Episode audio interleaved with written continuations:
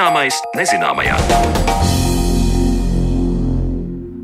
Esiet sveicināti, skanēt sāk raidījumu zināmais nezināmajā, un studijā esmu Sandra Kropa. Šodien raidījumā mēs pievēršamies dārgumiem, kurus zem mūsu kājām slēp planēta Zeme. Lai arī Latviju nevaram nosaukt par vietu, kur var iegūt derīgos izrakteņus lielos apmēros, arī šeit atrodami vērtīgi un reti ieži un minerāli, kuri var stāstīt par to, kāda bija šī teritorija pirms miljoniem gadu. Šodien raidījuma otrajā daļā skaidrosim, kādi unikāli atradumi meklējami zemes dzīvēs Latvijā un ko par tiem zinām bet pirms tam uzzināsim, cik šobrīd ir pulkstenis uz mēnesi. Kā būtu jānoregulē pulkstenis kosmosa turistiem, ja viņi ciemotos, piemēram, uz Marsa, kur diennakts salīdzinot ar Zemi ilgs 24 stundas un 37 minūtes, vai uz mēnesi, kur 14 dienas ir nakts un 14 dienas gaišs? Kā šiem laikiem var pielāgoties, piemēram, starptautiskās kosmiskās stācijas darbinieki, par to manai kolēģei Zenē Lācē Baltalksnē stāsta Latvijas astronomijas biedrības pārstāvis Mārtiņš Gils. Protams, ka cilvēkam, kuram nav saistības ar kosmosa izpēti, ir gluži vienalga, cik pulkstenis rāda uz minētajām planētām. Bet tā kā jau gadiem ilgi astronomijas speciālisti pēta šos debesu ķermeņus un interese par kosmosa iekarošanu ir noturīga, tad palūkosimies, kā rit laiks uz Marsa un uz Mēnesi. Sāksim ar Marsa planētu, kur diennakts ilgums tiek mērīts solos, jeb solārajā dienā. Tad Marsa sols ir ļoti tuvu Zemes laikam. Bet, kā skaidro Latvijas astronomijas biedrības pārstāvis Mārtiņš Gils, tad ASV kosmosa izpētes aģentūras NASA darbiniekiem, kuri regulāri seko Marsa roveru, tas ir mehānisku transporta līdzekļu darbībai uz Marsa, nākas strādāt pēc slīdošā grafika un katru otro diennakti pārlikt pāri vienai laika joslai.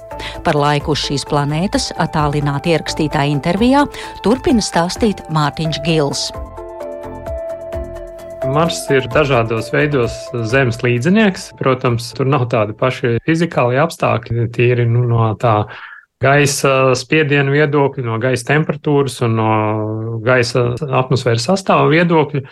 Bet atrodoties Nu, cilvēks vēl tur nav bijis, bet, ja, ja cilvēks būs uz Marsa, tad eh, pirmais tāds patīkamais iespējas būs tas, ka diennakts garums ir ļoti līdzīgs kā uz Zemes. Un tās ir 24 stundas, bet ir vēl arī astīte. Tās ir 24 stundas un 37 minūtes. Nu, no vienas puses, daži saka, ka ļoti labi. Uz Marsa būs mazliet vairāk laika, lai strādātu, vai citi saka, ka būs mazliet vairāk laika, lai atpūstos. Bet uh, tomēr uh, jau ir veikti tādi tā kā arī pētījumi, kā cilvēki uztver to, ka nepārtraukti tas diennakts garums tiek mākslīgi pagarināts vai arī saīsināts. Nu, es neesmu pats biologs vai medicīnas saistīts cilvēks, bet tik tālu, cik nu, ir tādas lasītas atsauksmes par to, kā ir strādājuši tie operatori, NASA darbinieki, kuriem bija jāapkalpo Marsa roveri. Un eh, Marsa roveri, kā zināms, darbojās gan iepriekšējā, darbojās diennakts gaišajā laikā, gan arī pašlaik esošie aparāti pārsvarā darbojas tieši dienas laikā. Tas ir saistīts gan ar eh, redzamību, lielāku temperatūru, jo tad eh, sasilst viss, gan arī ar to, ka ir iespēja arī uzlādēt saules baterijas. Tas ir tiem modeļiem, kuriem nav saules barošanas avots, bet ir saules baterijas. Nu, lūk, Tātad šie operatori, viņiem nācās laika gaitā visu laiku mainīt savu dienas ritmu. Un tās 37 papildus minūtes nozīmē to, ka nu, pēc kādām nepilnām trim nedēļām apgriežas diena pret nakti pretēji. Mēs pilnīgi kā būtu pārceļojuši otrā zemeslodes pusē. Un uh, pēc tam uh, tas būtu it kā tā katru dienu mēs pārlecam, vai katru otro dienu pārlecam pa vienu laika joslu, un, un nepārtraukti tas notiek. Tad vienu reizi varbūt aizlidot uz Jaunzēlandi vai Austrāliju, tas nav nekas. Mēs uh, izguļamies un pierodam, bet ja katru dienu tas turpinās, tad nu, tiek izjauts gan sadzīves tāds ritms. Nu, tā varbūt ir viena bēda, bet bija arī novērots, ka bija tīri grūti fizioloģiski izturēt eh, tiem darbiniekiem šo nepārtraukti slīdošo grafiku, pat ja viņi dalījās maiņās. Un eh, tādēļ te arī ir tādas nelielas bažas, kas būs ar tiem cilvēkiem, kuri aizlidos uz Marsu. Varbūt daži pieradīs ātri, nu, dažiem būs arī grūtības. Tad um, šādi pētījumi, acīm redzot, būtu tīri vietā, lai saprastu. Skatot uz mums tuvāku un vairāk izpētītu debesu ķermeni uz mēnesi, zinām, ka tam riņķojot ap Zemi, atkarībā no tā puses, no kuras redzam šo pavadoni, izšķir četras fāzes, un tās nomainās 29 dienu laikā. Tas ir no Zemes skatu punkta, bet laiks uz mēnesi dalās 14 dienās un 14 naktīs. Ar mēnesi mēs faktiski jau paši redzam, kā ir. Mēnesis tas cikls ir 29,5 dienas. Tas nozīmē, ka šajā periodā mēnesis pilnībā ir apgaismots, viena tā redzamā puse. Tad viņš nodilst līdz tādam, ka nav saskatāms, jeb, jeb šo, tā mūsu, pret mums vērstā puse ir tumša, un pēc tam tas atjaunojas. Nu, tad līdz ar to sanāk tā, ka kādas 14,5 dienas ilgst diena katrā konkrētā vietā, un pēc tam arī tās pašas divas nedēļas ilgst arī nakts.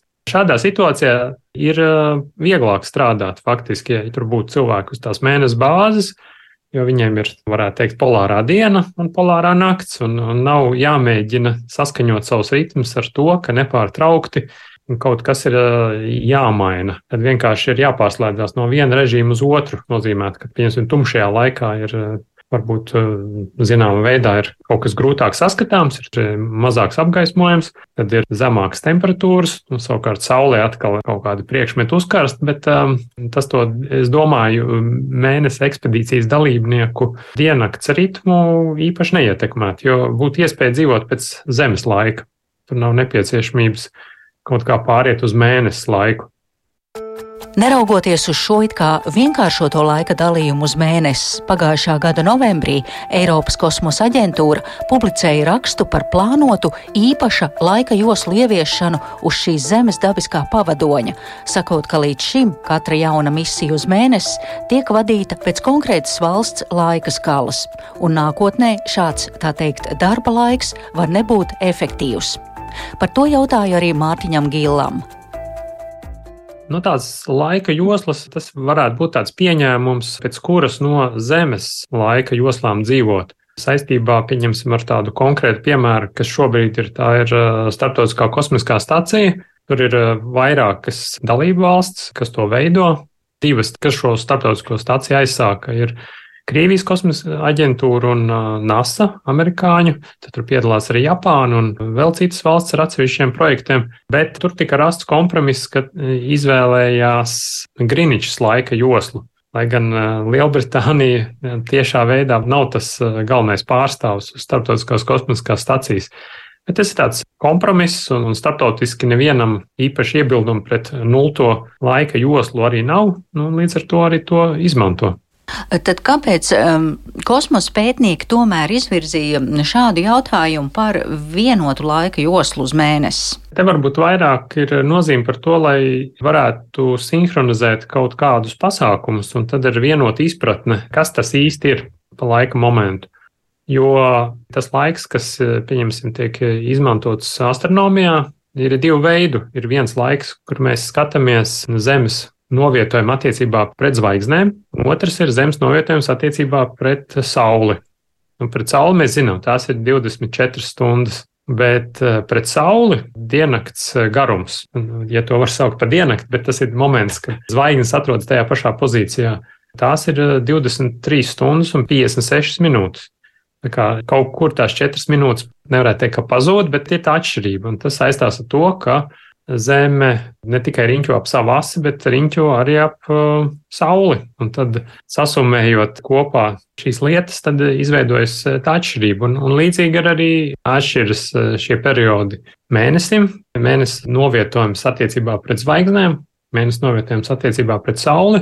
Bet tā kā Saule ir spožs objekts, tad uh, to mēs ņemam vērā kā primāro Un tas pats arī Marsam. Tāpēc ir dažādas gan laika atskaites sistēmas, gan, nu, varētu teikt, tādas koordinēšanas sistēmas. Un parasti, ja kaut ko nopietnu vēlas viņus ar to attiecīgo debesu objektu saistīt, tad, tad ir jāizvēlās saskaņā ar kur no tām darboties.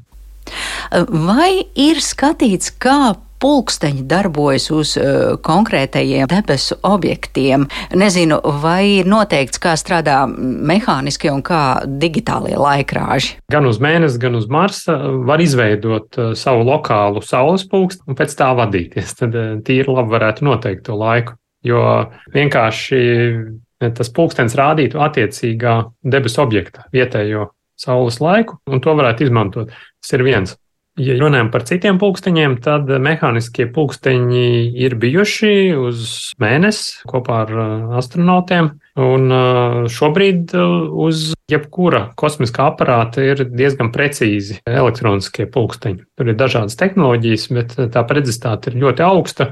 Jāņem vērā, ka arī mūsu, pieņemsim, telefoni, kas spēj apstrādāt GPS signālus, vai tie ir kaut kādi sporta pulksteņi, kas apstrādā GPS signālus Tajos arī ir pietiekami augsts precizitātes pulkstenis iekšā, kas nolasa signālu no pavadoņiem un apstrādā. Tā kā šobrīd tā nav problēma, un arī uz, uz citiem debesu ķermeņiem ir diezgan precīzi pulksteņi nogādāti.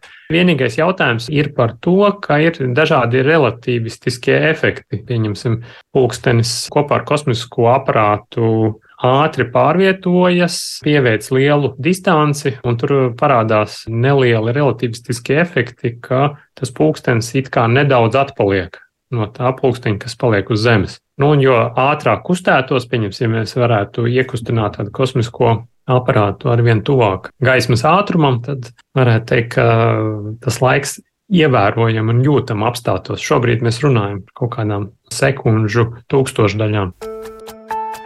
Tātad šobrīd laiks uz šiem diviem aplūkotajiem izplatījuma objektiem no Zemes raugoties rit nemainīgs, un starptautiskās kosmiskās stacijas pētnieki, vērojot aparātu darbību uz Marsa un Mēnesi, lieto Grīničas laiku.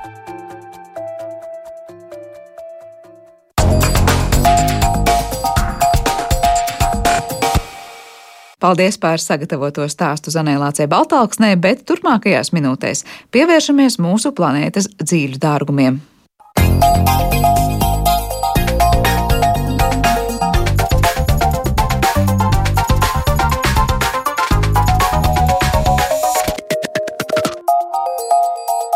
Zināmais nezināmajā. Ja vien akmens spētu runāt, tad tā stāstītajam būtu grūti noticēt, cik dažāda, atšķirīga, dinamiska un mainīga ir bijusi planēta tās vairāk nekā 4 miljardos gadu. Taču pētnieki šodien eh, var šo to uzzināt par senas vēstures notikumiem, palūkojoties iežos. Kādi ir Latvijas teritorijas zemes dzīvēs atrodamie ieži, kādi reti minerāli ir atrodami un kāda ir to vēsture, par to visu mēs šodien runāsim raidījuma atlikušajā pusstundā, kad pie mums ciemos studijā ir eh, Latvijas Universitātes muzeja eksperta un ģeoloģijas zinātņu doktora Vija Hodereva. Labdien! Labdien! Vī, mēs tiekamies tādā laikā, kad Latvijas Universitātes muzejā var tiešām katrs savām acīm paskatīties to, ko ikdienā, nu tā staigājot vienkārši Latvijas dabā mēs neredzēsim. Ir tāda daudz kas tāds, kas ir dziļi zem mūsu kājām, dziļi apslēpts arī mūsu skatienam. Šodien parunāsim par dažādiem iežiem, arī tiem, kas dabā varbūt ir atsegumos redzami un kas tad ir tā vēsture, kas tajos ir ierakstīta, bet vispirms gribu palūgt jūs izstāstīt, kas ir šī jaunā ekspozīcija, kas ir skatāma un ko tad mēs varam ieraudzīt? Kādus retus dārgumus Latvijas geoloģijas vēstures? Jā, mēs, mēs no Latvijas Universitātes muzeja ar saviem paraugiem esam aizgājuši, jāsaka, un izstādījuši paraugus arī Latvijas Universitātes dabas zinātņu centrā, akademiskajā centrā, dabas mājā, un veidojam tādu, nu, jāsaka, diezgan nelielu, bet ekspozīciju, kuras nosaukums ir Zemes dziļu bagātības Latvijā.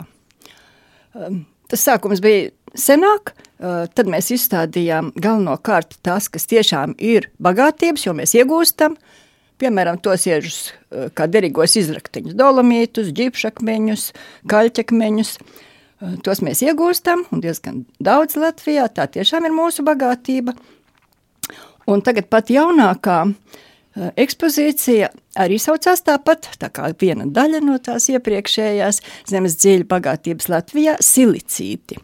Tā laikam ir, pats šis nosaukums laikam būs svešāks visiem, un kas tad ir tie silicīti? Tie ir tādi īpaši veidojumi, jā, arī mūsu pašu nogulumiezos, visi no Latvijas, kur ir silīcija minerāli. Nu, silīciju mēs parasti saucam nu, smilts, kaut vai jā, jūras jā, malā. Jā, jā tieši tā, tieši kādi ir tie minerāli un kādi ir tie ieži. Bet šeit e, zinātnieki e, nedaudz sadala tos silīciju minerālus un tos veidojumus. Uh, smiltis, smilšakmenis, kas pie mums Latvijā ir ļoti daudz, un, un, un diemžēl to īpaši ieguvēju neizmantojam. Uh, tie graudiņi, smiltīs, kas ir kvarca graudiņi, jā, silīcija minerāls, kvarca graudiņi, nāk no citiem iežiem, no senākiem sadrupušiem, magmatiskiem metamorfiem iežiem. Tie ir sadrupuši kā, kā drupenes, a, a, nu, tālāk pārnestas daļiņas. Un tos mēs saucam par drupu iežiem vai terigēnajiem iežiem. Un tā tiešām mums pastāv arī Latvijā un, un bieži sastopami. Bet ir viens tāds veidojums – kas arī ir nogulumiežos, nu, piemēram, tajos pašos dolomītos, bet ir tādi silīcija konkrēcijas, sekrēcijas, tādi veidojumi atsevišķi, vai tādi mazi slānīši, kas sastāv no tā silīcija minerāla, kas kam ģenēze ir atšķirīga. Nu, tas veidojas atšķirīgi. Tas veidojas faktiski no, nu, saka, no šķīdumiem, no pazemes ūdeņu šķīdumiem, no senās jūras šķīdumiem. Eh, kāpēc es to arī saistu ar Devonu? Periodu, to seno periodu, kad mūsu ieži, nogulumieži visi veidojušies, tādēļ, ka šie te veidojumi diezgan savādie, diezgan unikālie, Latvijā reti sastopamie, ir tikai dažās vietās Latvijā, nu, centrāla Latvijā, un sastopami, mm, tais pašos gan saku Devona dolomītos, bet mēs īsti nezinām, um, kad tieši kad veidojušies, eh, kā, tieši kādi procesi veidojuši šos te nu, savādos eh, silīcija eh, minerālus, gan jāsaka, veidojums savādos, jo minerāls jau ir tas pats, kas ir smiltīs. Bet kas ir tas vizuālais, kas atšķirsies no smiltīm un jā, tā silīcija jā. un no šiem te unikālajiem veidojumiem? Tieši tā, te ir diezgan liela atšķirība. Tad, kad mēs, tad, kad muzejām atnāca un uzdāvināja diezgan daudz šādu te jaunatradumu, eh, šādu veidojumu. Eh, es faktiski biju ļoti pārsteigta pati, lai gan ar lielu pieredzi šajos geoloģiskajos darbos, biju ļoti pārsteigta, eh, kā um, nu, kaut kas līdzīgs krāma veidojumiem. Jā, jums Krāsai. ir līdzi paņemti Man ir daži paraugi, es jau nevaru nerādīt tādus paraugus. nu, tad mums ir maksimāli jāraksturo tas vizuālais mūsu klausītājiem, kas to neredz ne kamerās, nekā citādi. Tiešām pēc krama izskatās, ja tādiem Jā, tie gabaliem. veidojumi varētu būt tiešām ļoti līdzīgi kramam. Varbūt daudzi zina, kas ir ahāts. Tas ir arī kvarts paveids, kas ir koncentriski veidojums, tāds koncentrisks apaļīgs veidojums, slāņains tā kā, un dažādas krāsas, bet daudzi zina, kas ir kalnu kristāls. Faktiski kvarca kristāliņi, kas ir pilnīgi caurspīdīgi, mēs saucam par kalnu kristālu. Un arī šie te veidojumi, nu tā kopumā, tāds interesants apvienojums. Jāsaka, tur formas ir diezgan dažādas. Uh, apaļīgas, elipsoidālas, tādas mm, kaut kādas citādas formas. Un raksturot varbūt nav nemaz tik vienkārši, diezgan dažāds šis te veidojums, ja mēs ieraugam baltu kvarca graudu, baltu kvarca mm, monokristālu būtu jāsaka, vai arī tādu blīvu veidojumu, vai arī šos te koncentriskos ahāta veidojumus. Uh, tie ir tiešām atšķirīgi, un īpaši jau atšķirīgi no tā paša dolomīta, kurās, kurā to atrod. Par krāsu precizējot klausītājiem, nu šobrīd vismaz no manas skatu punkta izskatās tāds kaut kas balts, kaut kas tāds pelēcīgs, kaut kas tāds tā kā brūnganīgi, tāds dzeltenīgs, es nezinu, oranžīgs, kā lai jā, to jā, pasaka. tieši tā, tādās krāsās tieši tas ir diezgan gaišs, jo faktiski jau kvarts paraksti mums ir balts, mēs sakam baltās kvarca smiltis, ja mēs par smiltīm runājam, vai arī šie te e, kristāliskie paveidi kvarcam ir daudz balti, kaut gan, e, Jāsaka, ir daudz arī krāsainie paveidi. Un tas arī ir interesanti, ka šajos te pašos veidojumos, tādos bumbuļos vai kunkuļos vai vēl kaut kādos tādos, ir e, vairāk minerālu kopā. Kādi minerāli kopā tur ir? Atkal jāsaka, tie paši silīcija minerāli, oksīdi, bet ja tie būs violēti, tad tie būs ametistiņi tādi mazi, ja tie būs dzeltenīgi, būs citrīni, ja būs šis te koncentriskais krāsojums, tos mēs sauksim par ahātiem. Tā kā tā ģeoloģiskā būtība ir viens un tas pats, bet ir atšķirīgi paveidi. Bet jūs teicāt, atrodami kaut kurā Latvijas vidienē. Ja? Liektos šobrīd, protams, mēs jūru meklētu pie jūras, bet tad tie ir senie laiki, tie ir pavisam cik seni laiki, par kuriem mēs runājam, ka tās senās jūras nogulumi ir veidojuši lūk, šādus tiežus. Tieši tā, te ir ļoti jāatšķir tie veidojumi, kas eh, nogulsnējās un veidojās eh, mūsu noguluma ieži, tās slāņu kopas Devona periodā, kā es visiem stāstu, aptuveni 370 miljonus gadus atpakaļ. Eh, bet par šiem te veidojumiem, kurus tiešām atrod tajos iežos, mums vēl ir jāpapēta vēl ir jāapskatās un zinātniski jāizpēta, kurā tad uh, laika posmā, ģeoloģiskā laika posmā tie ir veidojušies. Iespējams, tie ir jaunāki. Bet iespējams vecāki arī, vai ne? Vecāki, nē, vecāki noteikti, vecāki noteikti nē, jo tie nav atlūzas vai kaut kas tāds, bet tie ir veidojušies tā kā uz vietas. Mēs bieži vien sakam, nu tādu terminu kā autigēnie minerāli. Autigēnie, tas ir uz vietas tajā pašā iezī veidojušies, kristalizējušies, koncentrējušies, apmēram tādi. Uh, Latvijas gadījumā, lai šos ieraudzītu savām acīm, mēs varam teikt, nu mēs tā staigājot pa dabas takām vai kādiem atsegumiem neredzēsim. Tas būs dziļi zem mūsu kājām. Nē, Šoreiz nē. Šoreiz beidzot var redzēt, ja kur mēs varam tos kā? redzēt. Tātad, kur arī no jaunatklātajiem šiem te veidojumiem ir tie paraugi.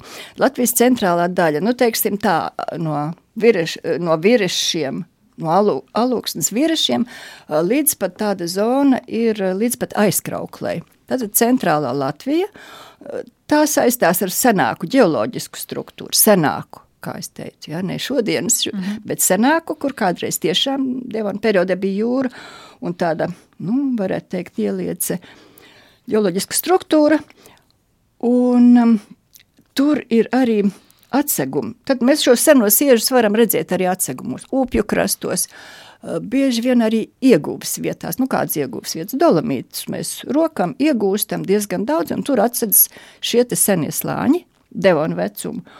Un tieši tāpēc mēs varam ieraudzīt arī, arī šos veidojumus, kas tad ir tajos dolomītos. Bet upju krastos, vienalga mēs runājam par centrālo Latviju, ja, jo jūs nosaukto aizkrauklas alūksnes, var teikt, nu tādu reģionu.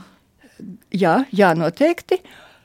Bet kas, ko gribēju noteikti minēt, kad ir viens tāds mazs slānīts, ko ģeologi atklājuši. Tad, kad es sāku pētīt šo te, at, šo te veidojumu vēsturi, vai pie mums Latvijā iepriekš ir pētīti, jā, izrādās ir tieši 60 gadu atpakaļ iznāk, 1963. gadā bija atsevišķi pētījumi un atsevišķi publikācijas tieši par šādiem te veidojumiem, silicītiem, uh, Un ģeologi bija atklājuši tos, kāpēc es minēju, vīrieši pie vīriešiem, tātad gaujas krastā. Tur tāds diezgan liels atsegums, atsegums ir arī šodien, kā aizsargājums dabas objekts, bet tur varbūt nav tik viegli uzreiz ieraudzīt, bet ir tāds mazs, slānīts. Un ko nozīmē mazs slānīts ģeoloģiskā izteiksmē? Tas ir 30 centimetrus bies. Um, turpinās tā, mm, laikam, kādu pusotru kilometru, ja nemaldos, nav pārāk liels, tad ļoti lokāli. Un ģeologam noteikti jāpēta, kāpēc šajā te atsevišķajā lokālajā vietā ir tieši šāds diezgan unikāls veidojums, kas citur Latvijā faktiski nav. Ir kādas versijas jau šobrīd, kāpēc? Vai tās ir šobrīd vairāk jautājumu nekā atbilžu? Faktiski bija dažas eh, prognozes vai versijas jau arī uh, pagājušā gadsimta 60. gados. Uh, Kāpēc tieši tur? Nu, tur jāsaista ir ar senās jūras, um, kā lai saka, to baseinu, senās jūras baseinu, ar tiem organismiem, kas dzīvoja tajā senajā jūrā.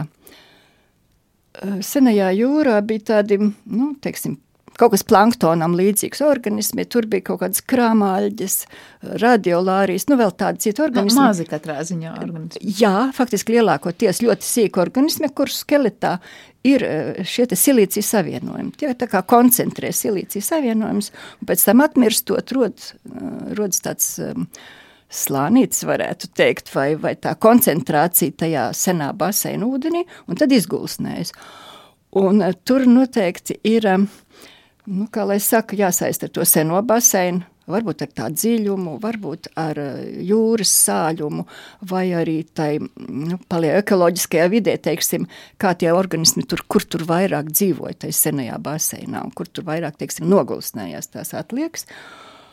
Tā kā Nu, ir šādi dažas versijas, bet, nu, manuprāt, tās būtu ļoti vajadzīgas un nepieciešams šodien precizēt. Kā to var izdarīt? Kas geologam un ne tikai varbūt geologam ir jādara, lai tās versijas gan pārbaudītu, gan vispār, nu, var teikt, skatoties uz šiem kravam līdzīgajiem priekšmetiem, izlasīt tādu vēsturi? Jā, tieši tā. Es arī saku, ka uh, mums jāpieta un jāzina un, un jālasa šo te akmens grāmatu. Uh, šodien tiešām ir diezgan lielas iespējas un, un, un plašas iespējas, īpaši jau analītiskās. Agrāk, ja mēs pētījām, nu, galvenokārt, ko šajos senākajos pētījumos es lasīju, jā, tur mēs plānslīpējums veidojam no šiem iežiem, skatāmies optiskajos mikroskopos, ļoti detāli pētām, kādas tur attiecības tur silicija graudiņiem, kristāliņiem un tā tālāk, tad šodien mums ir ļoti daudz citas metodas. Uh, Nu, kādas tās pašas optiskās faktiski arī ļoti plaši izmantojam ar tehnisku iespēju daudz labāku, teiksim, daudz labāku mikroskopu, ar lielāku palielinājumu un tā tālāk.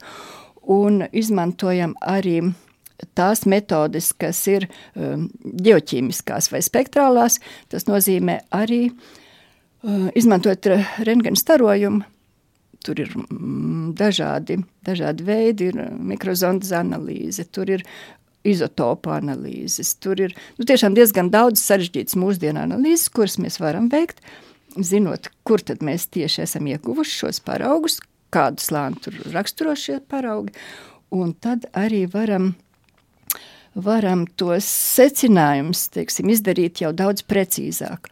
Un no otras puses, es gribu teikt, ka jau teiksim, fundamentālajā zinātnē, arī geoloģijā, ir diezgan daudz zināms šodien dažādas likumsakarības. Nu, kā tas dabā notiek? Jūs jautājat, kāpēc tieši šajā vietā ir diezgan daudz eh, pētījumu pasaules līmeņa un tuvākā reģiona, kad mēs varam pateikt, eh, nu, kas tad tur ir bijis, teiksim, ūdens līmenis ir svārstījies tajā senajā baseinā, vai tur temperatūra mainījusies. Tad pēc dažādām analītiskām metodēm ir mums dati, un mēs tos interpretējam un nosakām nu, attiecībā ar tuvāko reģionu un attiecībā kā tas ir izskatās tādā kopīgā kontekstā. Tā kā viena metode vairāk tā kā to vecumu var palīd, palīdzēt saprast, ja otra, piemēram, nezinu, tas eh, mikroskopa palielinājums, ko visvairāk palīdzēs saprast, nu tur es nezinu, struktūru kaut jā, kādu. Jā, jā, tieši. Tā tālāk, ko mums stāstīs, ir vai nav konkrētais minerāls? Arī, jā, arī optiski ļoti labi, arī mēs varam minerālus noteikti diagnosticēt. Un, nu, te ir, un jāsaka, eh, būtu jāizmanto kāpēc es tā mazliet eh, skeptiski kādreiz pret atsevišķiem minerālu paraugiem eh, izturos, jo tur jāskatās, kā tas izskatās kopīgi slāņu kopā. Vai tur ir eh, nu, kādas attiecības tiem pašiem minerāliem, tiem pašiem graudiņiem, teiksim, kādas ir attiecības ar tiem blakus esošiem minerāliem. Tad, tad nu, tāds konteksts gan struktūras ziņā, mēs bieži vien skatāmies vienu, vienu graudiņu, nu, to pašu kvarcu šeit, kā tas izskatās kopā ar kalcītu, kas tur arī kaut kur blakus ir kristalizējies. Un pat jaunākie pētījumi, daži mūsu eh, studentu, doktorantu pētījumi ir tādi, kurš tad bija pirmais, kurš tad veidojās vispirms, tātad kāda viela izgūsnējās vispirms. Vai tas bija šis te uh, silīcija dioksīds, Tad kvarts izgulsnēs, un, un pēc tam karbonāts. Tad tas? Tad, tad mēs varam redzēt šīs attiecības. Var saprast, kas tur vēl kas dzīvoja, tur, kas tur bija, kāda vide eksistē. Nevēl līdzīgi kā arheologi saka, tikko tu kaut ko izņem ārā un ir atsevišķi priekšmets, tā pusi no jautājumiem vai pat vairāk netiek atbildēti. Jā, tā tas, jā, tā tas, tā tas bieži vien ir. Bet, piemēram, jūs teicāt, jūs skatāties arī to kontekstu, nu ir zināms, kur bija, piemēram, tā senā jūra. Pastāv iespēja, ka vienkārši mēs vēl nezinām, ka varbūt tās senās jūras robežas ir citādākas un kaut kur kaut kādos varbūt dziļākos slāņos, varbūt kaut kur slēptāk mūsu acīm vēl būtu atrodams liecības, nu kā tad tā senā jūra Latvijas teritorijā ir bijusi izvietota, vai tur mums ir skaidrība, mēs varam iezīmēt tās līnijas konkrēti? Jā, jāsaka, cilvēks klāt nav stāvējis Devona Diezgan, jā, tālu tā senatne. Un, um, nu, kā lai saka, mums ir um, jūra, kāpēc um, tās par tām robežām, uh, jo jūra bija visā Latvijas teritorijā un tuvākajā reģionā. Tā bija ļoti liela, plaša jūra, kas saistījās ar, ar, ar okeānu, seno, seno. Tā kā tur mums tās robežas tieši Latvijas teritorijā būs laikam pagrūti noteikt. Eh, protams, ir tādi pētījumi, kur tad ir tuvāk krastam, kur tālāk, bet nu tādi ļoti precīzi, nu kā mēs šodien ļoti precīzi zīmējam karti, mm, varbūt nebūs iespējams. Grūtāk. Bet, bet kāpēc tad tieši vidus Latvijā tomēr šie veidojumi ir sastopami, ja jūra bija pilnīgi visā Latvijas teritorijā? Eh, jā, kā es teicu, eh, tajā ģeoloģiskajā periodā bija tomēr, nu, kā lai saka, jūra netik vienmērīga. Mums varbūt liekas, ka tas ir tāds vienmērīgs basēns, bet tur, protams, bija kaut kāds ieliecis, kaut kādas augstākas vietas, kur, kur nebija tik dziļa jūra. Ir vairākas pat trīs, četras tādas ģeoloģiskas struktūras, visas Latvijas teritoriju aizņemot, eh, kur mēs redzam, ka ir dažādas. Tur ir gan ieliece, gan eh, tādas augstākas vietas. Jūras reliefs tur lielā arī, mērā. Arī, jā, arī eh, jūras, jā, pamatiežu reliefs tur, kas, kur, kur noglūsnējās un, un tas pats, ka cik tuvu no sauszemes, teiksim, arī bija. Jā, tur nu, daž, dažādi faktori. Jāsaka. Kas noteikti to ainavu ir veidojuši. Eh, Latvijā vai vēl ir tādas īpašās vietas geologam, nu kā līdzīgi lūk šie silīcija veidojumi, jūs teicāt, tas tās dabas retums arī un geoloģijas vēstures retums. Kas vēl mums ir tās vietas un tie retumi, par kuriem noteikti būtu jādomā vai kas jāpēta sīkāk vai jāapzina vairāk? Te gan ir diezgan daudz, diezgan daudz perspektīvas un iespējas jau jauniem pētījumiem. Eh, tad, kad mēs runājam par derīgiem izraktiņiem, par to, kas ir daudz un ko mēs iegūstam, eh, bieži vien mēs runājam arī par tādām vielām, ko mēs tā kā gribētu iegūt, nu, kur ir kaut kādi, kaut kādi priekšnosacījumi ir, mēs zinām, ka ir atsevišķas vielas, atsevišķas minerāli, um, un kurus varbūt mēs gribētu, mēs bieži sakam problemātiskie derīgi izrakteņi. Faktiski tie jau arī ir retumi, kuri ir sastopami, nu, piemēram, tie ir kaut kādi uh, citi silikāti. Um, nu, te varētu minēt kādi minerāli, granātu grupas minerāli, piemēram. Ir mums gan smiltīs, gan uh, smilšakmeņos senajos ir vairāki granātu grupas minerāli, kas ir, daži ir jaunatklāti Latvijā, Teiksim, tur bija tāds granāts spesartīns, tur bija pirops, piemēram. Varbūt daudz zina, kad piropus šos te granātus, silikātus mēs pētījām, lai, lai mēģinātu atrast dimantus. Tad, tad, jā, tas arī retums mūsu dabā, bet tādi ir un varbūt kādreiz būs pētījumi, ko mēs arī citus, nu, kā lai saka, citus minerālus mums derīgākus varētu atrast. Uh, Eh, bieži vien mēs sakām, ir tādi minerāli kā strons, um, te jāsaka būt laikam cirkona titāna, cirkonija titāna eh, minerāli, kurus arī mēs mūsu tais pašās, piemēram, smiltīs gan atrodam, kaut kādas nelielas koncentrācijas, mm, var jau būt, ka ar mūsdienu tehnoloģijām jaunajām kādreiz būs iespējams iegūt. Eh, mēs bieži vien runājam par par nu, varbūt arī retumiem, par kaut kādiem rūdu minerāliem. Tās pašas um, vāra rūdas, cinka, svina, hroma. Es pat saucu kā rūdas.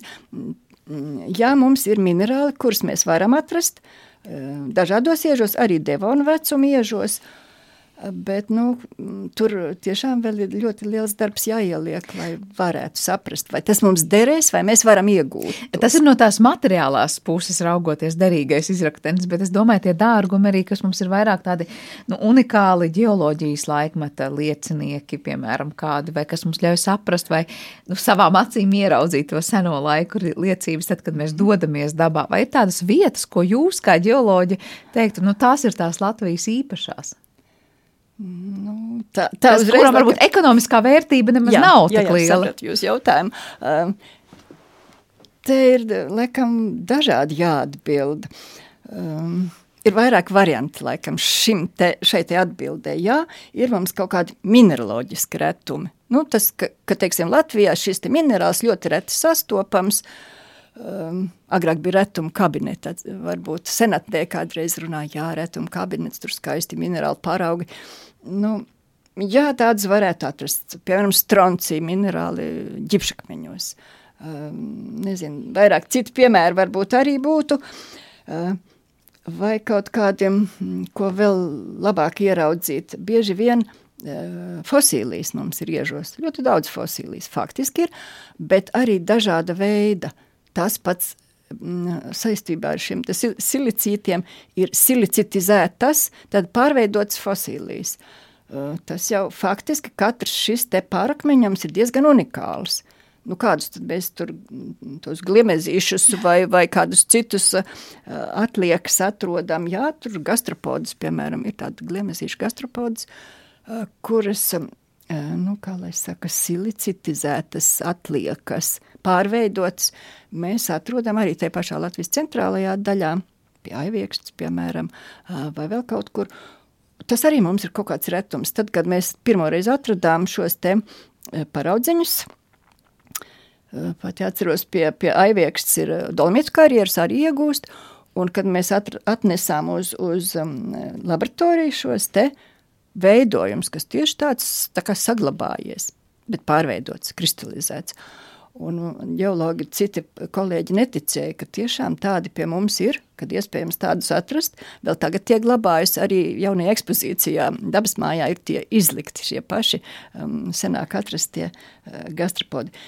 Vai ir vieta tāda viena konkrēta? Nu, pagrūti laikam būtu teikt tādu vienu vietu, jo katrā, katrā gan iz katrā atsegumā vai, vai pat arī derīgu izraktiņu atradnē, ja mēs redzam atsegumu, iežu atsegumu, tur kaut ko interesantu var atrast. Jā, māk tikai skatīties, jā, jā, māk jā, uztrenēt to aci. Jā, un, tieši tā ir. Bet vai tie cilvēki, kas nav ģeologi un kas nav saistīti ar šo nozaru tik ļoti, dodoties dabā, mēs varam teikt Latvijā, nu, tur mums ir upes, upju krastos atsegumi, protams, un daudz skaists saini ainavas. Mēs kopumā daudz varam redzēt no tiem mūsu ģeoloģiskajiem dārgumiem. Pieejami brīvi šeit pat ainavā sastopami, vai tomēr mēs varam runāt, ka vairāk ir kaut kur zem zemes, dziļi zem mūsu kājām, un kamēr vien kāds mm. cits mums to neizrok un neparāda, mēs pat nevarētu ieraudzīt? Laikam nē, es gan teiktu nē, jo ļoti daudz var ieraudzīt, var ļoti daudz ieraudzīt, Un par to liecina arī mm, tie cilvēki, kas nezinu, entuziasti, dabas mīļotāji vai, vai kolekcionāri vai vēl, kas atnāk pie mums uz muzeju un atnes šādus paraugus, neparastus, vai formas ziņā, vai uh, krāsas ziņā, vai ar magnetiskām īpašībām, vai nu vēl kaut kādas īpašas, kas cilvēkiem liekas tāds tiešām īpaši atnes, un ļoti daudz ir interesanti tādi paraugi. Tā kā dabā skatoties, noteikti mēs varam ieraudzīt to, kas varbūt ir neparasts, nezinu, bieži vien mēs sakam melnie akmeņi. Tas tāds, um, jā, tāds interesants termins, bet ļoti daudz atnes tiešām uz muzeju, un viņiem liekas, ka šis te melnais akmens varbūt ar magnetiskām īpašībām ir um, tiešām ļoti interesants, jā, vizuāli interesanti, nu, Speciālists gan teiks, kā kur reizi, vai tas tiešām ir kaut kas īpašs, vai tas ir mazāk. Un kas kuram ir īpašs, vai ne? Kas kuram ir īpašs. Bieži vien, zinu, manā pieredzē ir bijis, kad atnes uh, uh, pirīta kristāliņus, nu, dzels sulfīts, kas ir tāds zeltains, tāds zeltaina kubiņi pilnīgi, jā, mums dabā ir sastopami, nepārāk lieli, bet ir sastopami arī iežos, un, Un bieži vien atnes un man saka, zelts tas ir. Un, nu, ar to ir grūtāk, laikam nebūs jāapliecina, ka tas ir zelts, tas ir dzelzs savienojums, bet tie arī ir kaut kādi ļoti interesanti paraugi. Specialistam tas kaut ko norādītu, kāda tur vide bijusi, bet um, jebkuram cilvēkam, jebkuram interesantam tas šķiet interesanti, piesaistoši. Un uh, piesaista kaut vai tas vecums, vai ne? Kurā, jebkurā gadījumā mēs runājam to iežu vecums, tas ir nu, tiešām miljonus gadu senas pagātnes liecības vai laikmeta liecinieki, ja mēs skatāmies tādus iežus veidojumus, akmeņus vienalga. Jā, jā, laikam jā, jo faktiski pie mums šodien veidojas ieži nogulumieži, nu, saldudens kaļķiezes, jeb šūnakmens veidojas šodien, smiltis un kaut kāds tiek saskalots nogulums šodien, bet lielākoties ieži faktiski no pirms sākuma radušies ļoti sen, jā, lielākoties senajos periodos, zemes attīstības senajos periodos.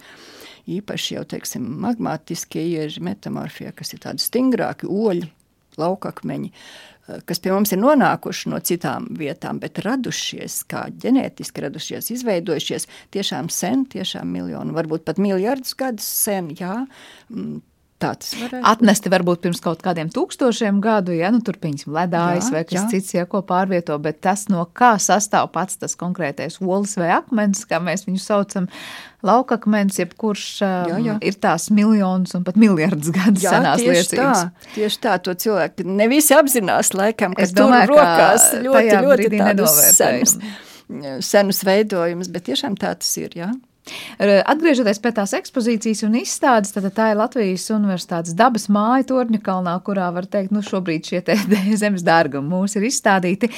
Cik ilgi ir skatām ekspozīcija un vai tā ir atvērta arī tiem, kas nav Latvijas Universitātes studenti un cilvēki, vai tā ir tāda brīvi pieejama? Par to, at, par to ilgumu man grūti teikt, vēl tur paskatīsim, kā tas viss izskatīsies tālāk un vai gribēs vēl kādas citas redzēt vai, vai ne. Bet um, Ne tikai tur, es gribēju teikt, ka ne tikai tur mēs varam redzēt arī tos paraugus, mēs, protams, varam redzēt pastāvīgā ekspozīcija, cik nu, ilgi mēs tur arī esam uz vietas. Un, un, un, un, jā, to var visu to, kas mums zemes dzīvēs, zem, mūsu zem kājām, mums zemes dzīvēs, to mēs varam arī ieraudzīt tā tīri nu, vizuāli un, un pataustīt. Var teikt, tā ģeoloģijas vēsture tiešām ir lasāma, skatāma kā tāda atvērta grāmata, ja kāds palīdzīgu roku ir sniedzis, lai interpretētu to, kas tas tāds ir, jo citādāk mēs tiešām daudz paietu garām šādiem tiešām krama Jā. veidojumiem un teiktu, tur taču nekā diža nebija, vai ne, nekas ļoti nespīdēja un nemirdzēja, bet patiesībā ieklausoties tajā senās jūras noguluma vēsturē, kaut vai ko jūs stāstījāt, vienliekas ļoti prātam neaptveram, ka kaut kas tāds ir šeit pat mūsu dabā sastopams un un tagad arī patiešām rokas stiepienā tālumā apskatāms. Paldies par šo sarunu. Es atgādināšu, ka šajā raidījuma sadaļā mēs bijām kopā studijā ar Vīhu Hodirevu, tātad Latvijas Universitātes muzeja eksperti, arī ģeoloģijas zinātņu doktori, kur mums var teikt, veda tādā ceļojumā laikā un telpā par to, kāda tad minerāla un to vēsturi ir lasām šajos konkrētajos veidojumos un arī zem mūsu kājām. Ar to arī raidījums ir izskanējis, un par to teikšu paldies producentei Paulai Gulbinskai, mūzikas redaktors šai stundai bija Girds Bišs, Nora Mitspapa bija skaņu režijā un es Sandra Kropa studijā. Paldies arī visiem par klausīšanos un jauku dienu vēlot no jums atvedos.